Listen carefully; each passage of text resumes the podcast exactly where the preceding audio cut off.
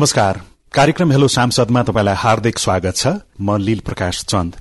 कार्यक्रम हेलो सांसद सामुदायिक सूचना नेटवर्क सीआईएनले उत्पादन तथा प्रसारण गर्दै आएको छ।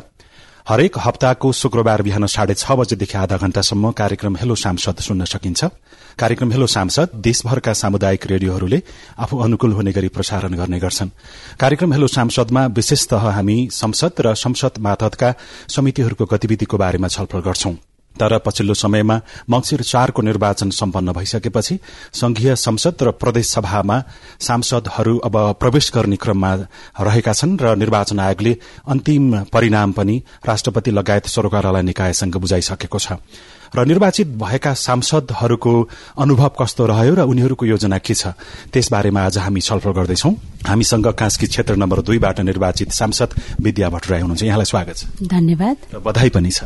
हजुर धन्यवाद। कस्तो रह्यो यो निर्वाचन खर्चको हिसाबले एउटा मेहनतको हिसाबले खटाईको हिसाबले त्यहीबाट अगाडि बढौँ। हजुर मेहनतको हिसाबले यसपटकको निर्वाचनमा अलि बढी मेहनत गर्नु पर्यो किनभने यसपटक बहुपक्षीय प्रतिस्पर्धा थियो। त्यसकारण मेहनत बढी नै भयो। खर्चको हिसाबले कुरा गर्दा हामी मितेबे हिसाबले नै गर्यौं मेहनत भनेको अलि धेरै नागरिकसँग मतदातासँग भेट्नुपर्ने खालको अथवा कसैले चलखेल गरिदेला भन्ने खालको कस्तो खालको खटाइ अलि बढी भयो? यसमा यस्तो रह्यो म चाहिँ डेङ्गुका कारण बिरामी भएँ। त्यो बिरामी भएको कारण झन्डै पन्ध्र दिन चाहिँ म सुतेँ। त्यसपछि जब प्रचार बाहिरी प्रचार शुरू भयो खास सत्र अठार पछि अनि त्यो म सुतेको जुन अवस्था रह्यो त्यसलाई पूर्ति गर्न पनि मैले चाहिँ जनताको बीचमा सबैको सामु त म मतदातासँग जान सकिनँ तर जतिको ठाउँ जति ठाउँमा गएँ त्यहाँ जाँदा चाहिँ अगाडि किन आउनु भएन भन्ने प्रश्न आयो नि त।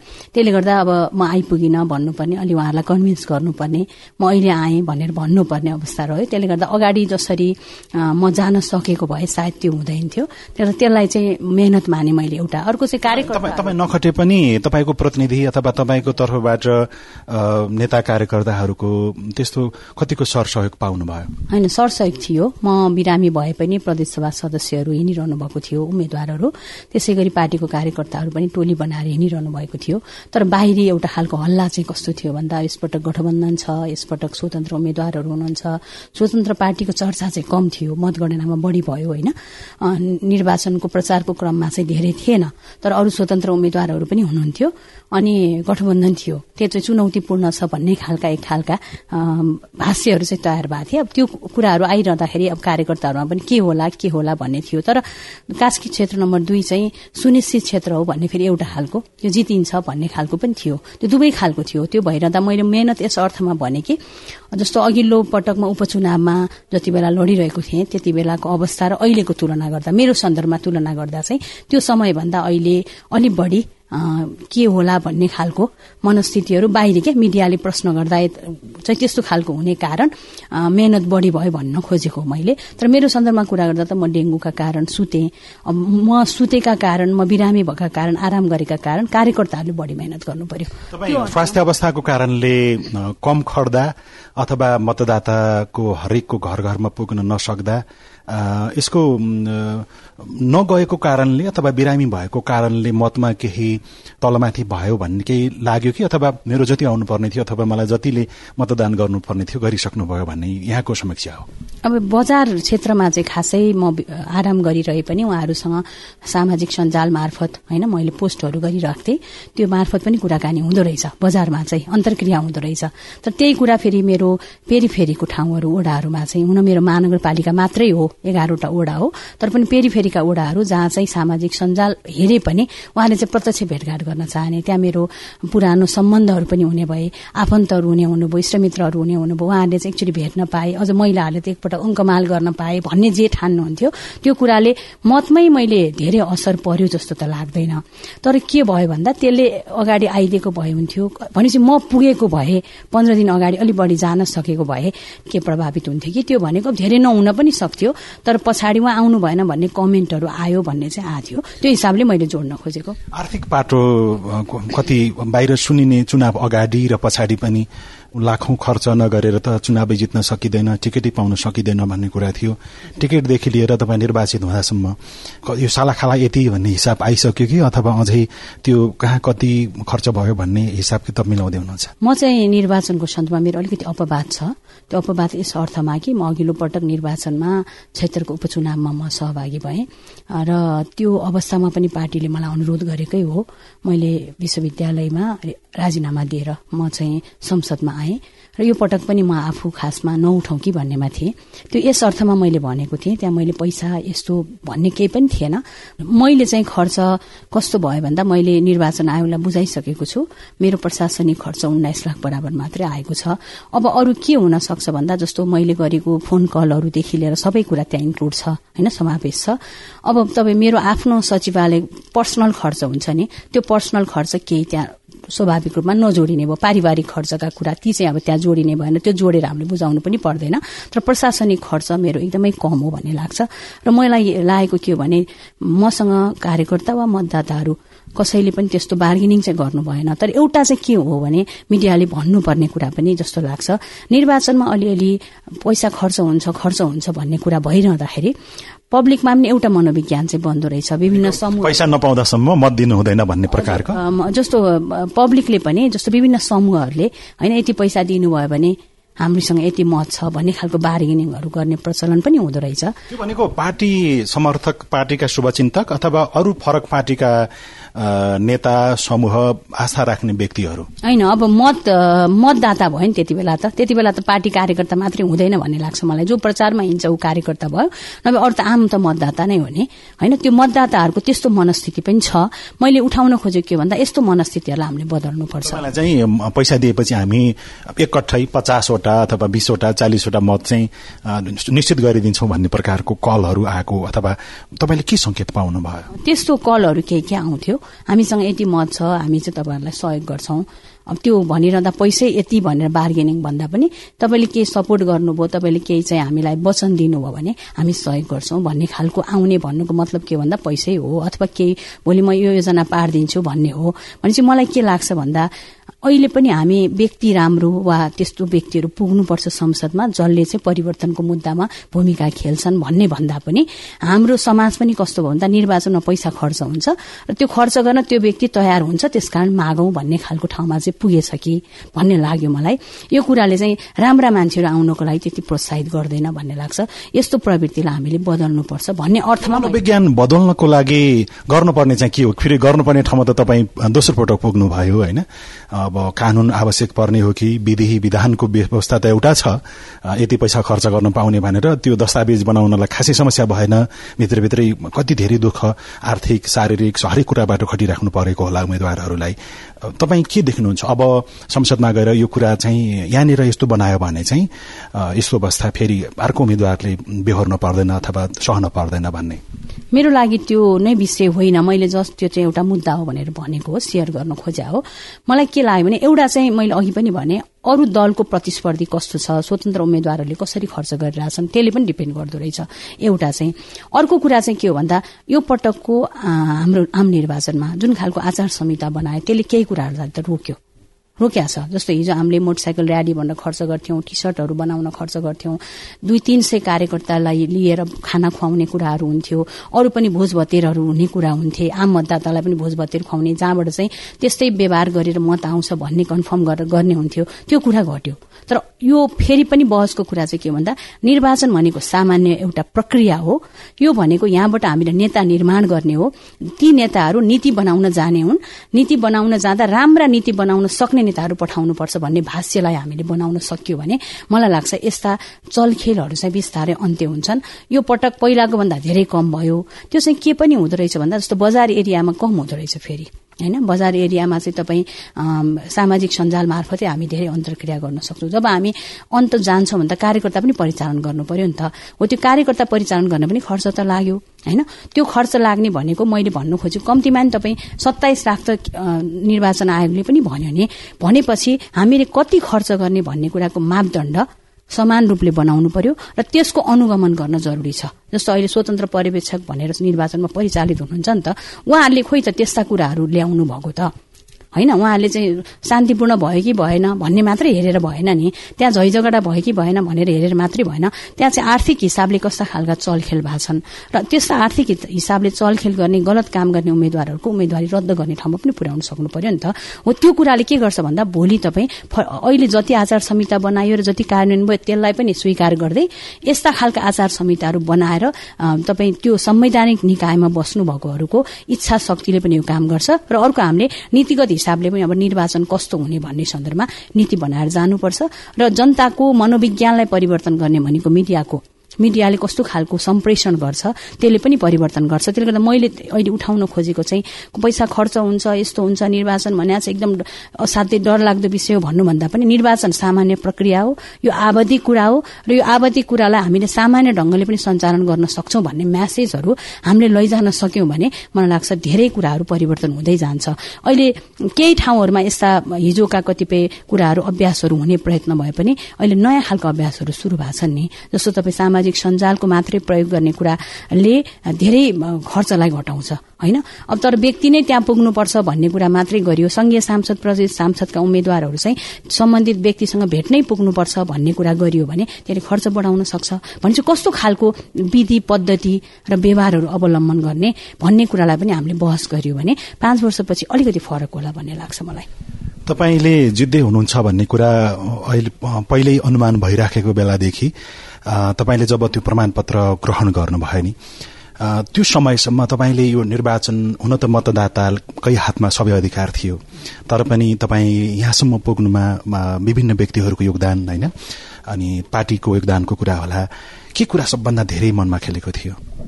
हजुर अब मलाई चाहिँ कस्तो भन्दा म निर्वाचन लड्दिनँ भनिरहेको अवस्थामा पार्टी नेतृत्व त्यहाँको स्थानीय पार्टी नेतृत्वदेखि लिएर इभन मतदाताहरू पनि मलाई भेट्दाखेरि तपाईँ उठ्नुपर्छ है भनेर भन्नुहुन्थ्यो। अब त्यो जुन खालको मोटिभेसन मैले प्राप्त गरेको थिएँ अब निर्वाचनमा मलाई सबैतिरबाट सद्भाव थियो। त्यो एउटै पा हाम्रो पार्टीको त सधैँ थियो। अरू पार्टीहरूमा पनि असाध्यै धेरै सद्भाव थियो। अरू पार्टीका कार्यकर्ता नेताहरूले पनि मलाई फोन गर्नुहुन्थ्यो तपाईँ जित्नुपर्छ है भनेर भन्नुहुन्थ्यो। मैले त्यो प्रोत्साहित वातावरण चाहिँ प्राप्त गरेको थिएँ जसले मलाई एक खालको ऊर्जा पनि दिइरहेको थियो। अनि मतदातालाई भेटिरहँदा पनि म यस्तो देख्थेँ कि जस्तो आउनु भएन भन्ने केही गुनासो चाहिँ म प्रति थियो। होइन? किनभने कोविड भयोमा मैले विजय हासिल गर्ने बित्तिकै कोविड आयो। कोविडका कारण कतिपय गतिविधिहरूमा म सामेल हुन पनि सकिनँ। अर्को कुरा चाहिँ एउटा लोकप्रिय नेतालाई गुमाएपछिको म उम्मेद्वार भएको थिएँ।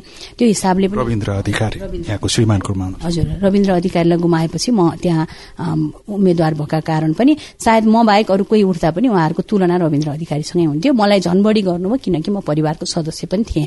त्यो भएको हिसाबले उहाँहरूले चाहिँ अब त्यही खालको उहाँकै विशेषताबाट मलाई हेर्ने कारण पनि कतिपय गुनासाहरू मसँग थिए। तर त्यो एकदमै सामान्य खालका गुनासा थिए। तपाईँलाई भेट्न पाइएन तपाईँसँग हाम्रो कुराहरू भन्नका लागि अझै धेरै हामी भेट्न चाहन्थ्यौँ भन्ने खालको थियो।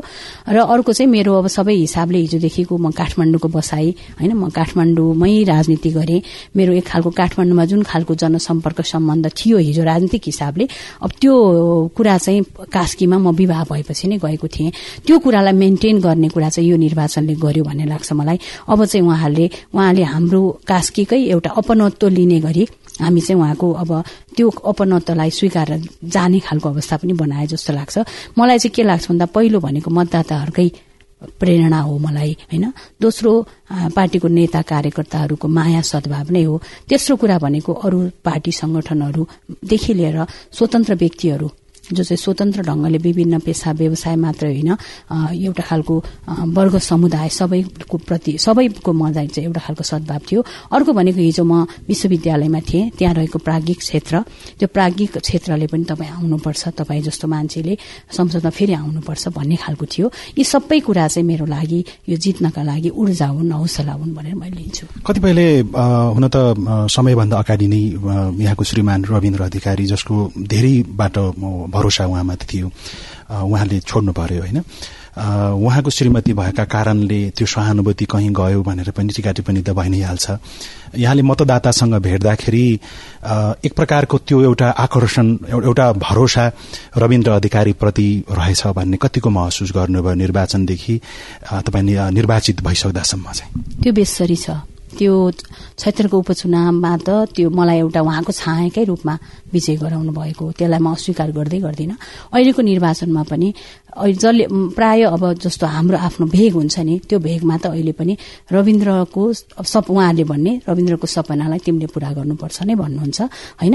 त्यो सद्भाव अहिले बेसरी नै बाँकी छ तर तर त्यो सँगसँगै विद्यालय गर्न सक्छ भन्ने विश्वास पनि हो भन्ने लाग्छ मलाई। त्यो सद्भाव नभएको भए त्यो सद्भाव बिनाको मेरो विजय सम्भव थिएन तर त्यो सद्भाव सँगसँगै विद्या पनि हिजो रविन्द्र महासचिव हुँदा ऊ सचिव भएको अन्डा र पछाडि पनि उसले आफ्नो प्राध्यापन पेसादेखि उसको राजनीतिक म राजनीतिक फ्रन्टलाइनर बीचमा भइन त्यो राजनीतिक कार्यकर्ताको रूपमा मेरो परिचय भएन। तर सामाजिक कार्यकर्ताको हिसाबले चाहिँ म परिचित नै थिएँ। अब कस्तो हुँदो रहेछ भन्दा राजनीतिक कार्यकर्ताका हिसाबले परिचित हुने कुराले जति तपाईँ संचार माध्यमहरूले पनि जति फोकस गर्नुहुन्छ सामाजिक कार्यकर्ता सामाजिक क्षेत्रमा लागेका त्यहाँ योगदान गर्नेहरूको चाहिँ विशेषज्ञता कुरा पनि हाम्रोमा कम प्रसारण हुन्छ। त्यो कारण पनि हिजो मेरो होइन म बाहिरी रूपमा परिचित त्यति थिएन। सार्वजनिक जीवनमा मलाई कम परिचित मानिन्थ्यो। तर पनि मैले योगदान त सार्वजनिक जीवनमा पनि गरिरहेको थिएँ नि। हो त्यो कुरा अहिले उहाँले के भन्नुहुन्छ भन्दा हिजो पनि उसले कामहरू गरिरहेको रहेछ। त्यहाँ माथि ऊ हिजो राजनीतिक एउटा कार्यकर्ता नै हो। विवाहपछि ऊ फ्रन्टलाइनर नभएर अरू हिसाबले आफ्नो ढंगले काम गर्यो। तर पनि पार्टीको त म तपाईँ जति बेला म उम्मेद्वार थिएँ त्यति बेला म पार्टीको केन्द्रीय शिक्षा विभागको सदस्य पनि थिएँ। त्यो मात्रै होइन म लगातार पार्टीको संगठित सदस्य र विभिन्न हिसाबले म संगठित भइरहेकै थिएँ। तर बाहिर मेरो परिचय चाहिँ के भयो भन्दा सामान्यतः विद्या भन्ने परिचय अर्को हिसाबले भएन। त्यसकारण मैले उठाउन खोजेको के भन्दा रविन्द्र अधिकारीको नाम यो पटक रविन्द्र अधिकारकै श्रीमती भन्ने हिसाबले भन्दा पनि यो पटक चाहिँ मलाई मेरो परिचय तीन वर्ष मैले गरेको कामको मूल्याङ्कन सँगसँगै रविन्द्रप्रतिको सद्भाव त्यो ममा नआएको भन्ने होइन तर पारिवारिक विरासतलाई प्रयोग गरेर विद्या उठ्यो भन्ने कुरा चाहिँ यसपटक धेरै भएन। अब तपाईँप्रतिको जुन मतदाताको भरोसा छ तपाईँको कास्की क्षेत्र नम्बर दुईका नागरिकको मतदाताको भरोसा एउटा छ र संघीय संसदमा गइसकेपछि तपाईँले क्षेत्र नम्बर दुईका मात्रै होइन कि समग्र देशभरिका नागरिकको हितका लागि ऐन कानून बनाउने सन्दर्भमा बहस गर्नुपर्ने हुन्छ होला। तपाईँ अब के दिने विचार गर्नु भएको छ त?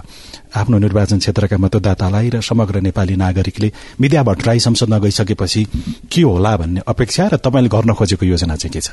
एउटा चाहिँ मलाई के लाग्छ भन्दा पहिलो काम हाम्रो पहिलो काम भनेकै हामीले चाहिँ संविधानलाई कार्यान्वयन गर्ने कुरा हो।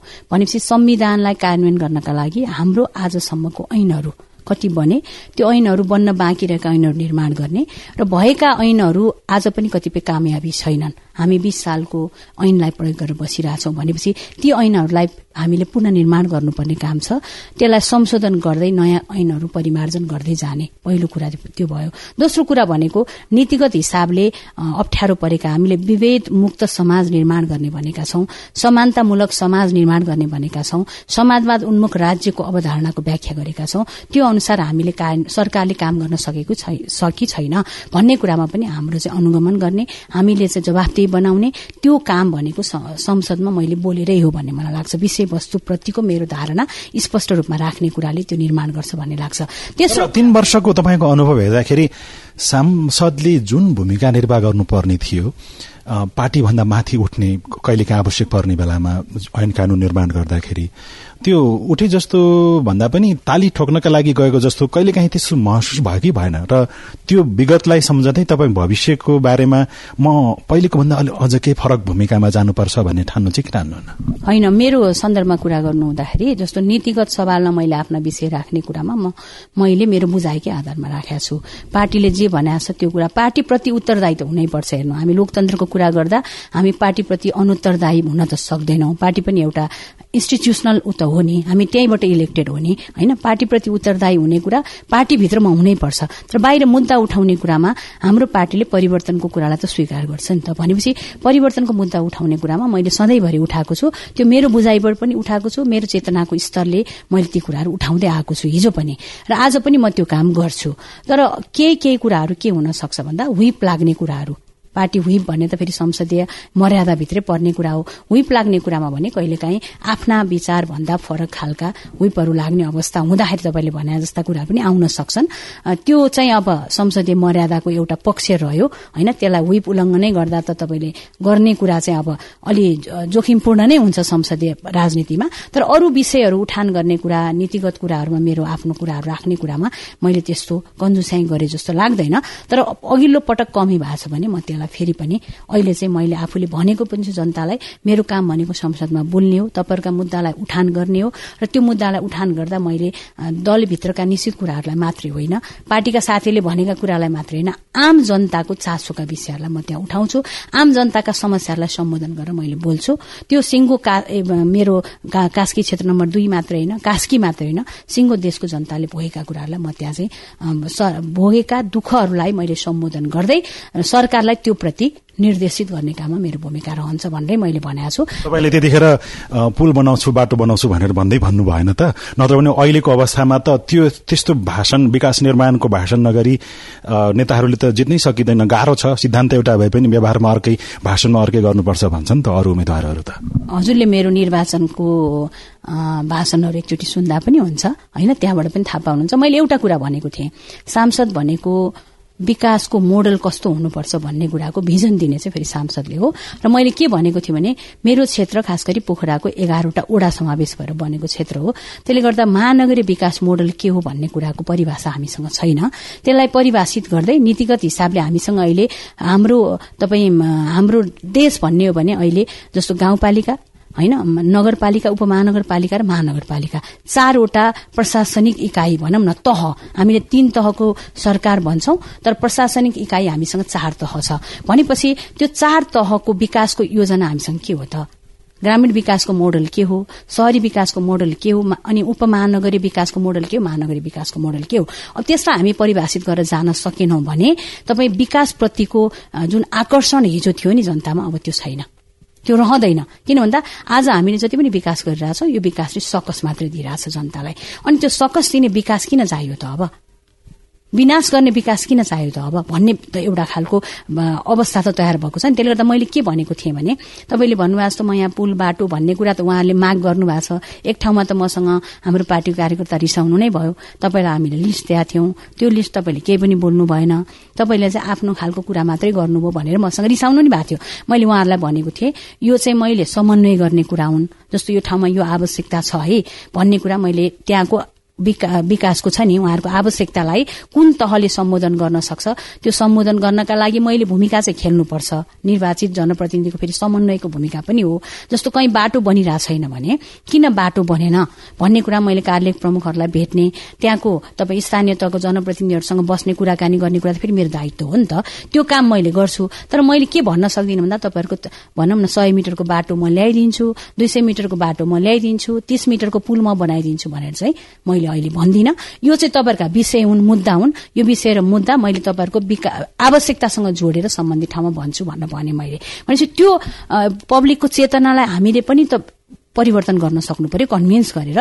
हो हामी त्यो कन्भिन्स गर्दैनौँ। जे भन्नुहुन्छ त्यो कुरा बोकेर हिँडेर हामी त्यो गर्छौं भनेर एकछिन रुमल ल्याउने जुन अवस्था छ यो अवस्थाले न मानसिकता बदलिन्छ न हाम्रो राज्यप्रतिको जनताको विश्वास बदलिन्छ। त्यसलाई त्यो बदल्नुपर्छ भन्ने मलाई लाग्छ। मैले आज पनि तपाईँहरूसँग भन्दा मैले महानगरीय विकास मोडलको बारेमा चाहिँ स्पष्ट रूपमा बोलेको छु होइन? पोखराको विकासको लागि महानगरीय विकास मोडल हो किनकि हामीसँग हामीसँग तेत्तिसवटा ओडा छन् महानगरपालिकाभित्र र मेरो क्षेत्रमा एघारवटा ओडा छन्। त्यसले गर्दा दुई नम्बरले कस्तो खालको विकासको मोडलको व्याख्या गर्छ त्यसले चाहिँ सिङ्गो कास्कीलाई चाहिँ प्रभाव पार्छ भन्ने हिसाबले मैले बोलेको छु। नत्र मैले पुल बाटो ल्याइदिन्छु भनेर चाहिँ भनिनँ तर माग चाहिँ फेरि त्यही नै आउँछ। अब निर्वाचित हुने संघीय सांसद मध्ये महिला नौजना मात्रै होइन? महिलाको विषयमा अब संसदभित्र संसद बाहिर पार्टी फरक भए पनि सांसदहरू एकजुट भएर अलि पहिलेको जस्तो विभिन्न संगठन बनाएर जाने पछिल्लो अभ्यास छैन। अब महिलाको विषयमा भोलि कानून बनाउनु पर्ने होला छलफल गर्नुपर्ने होला।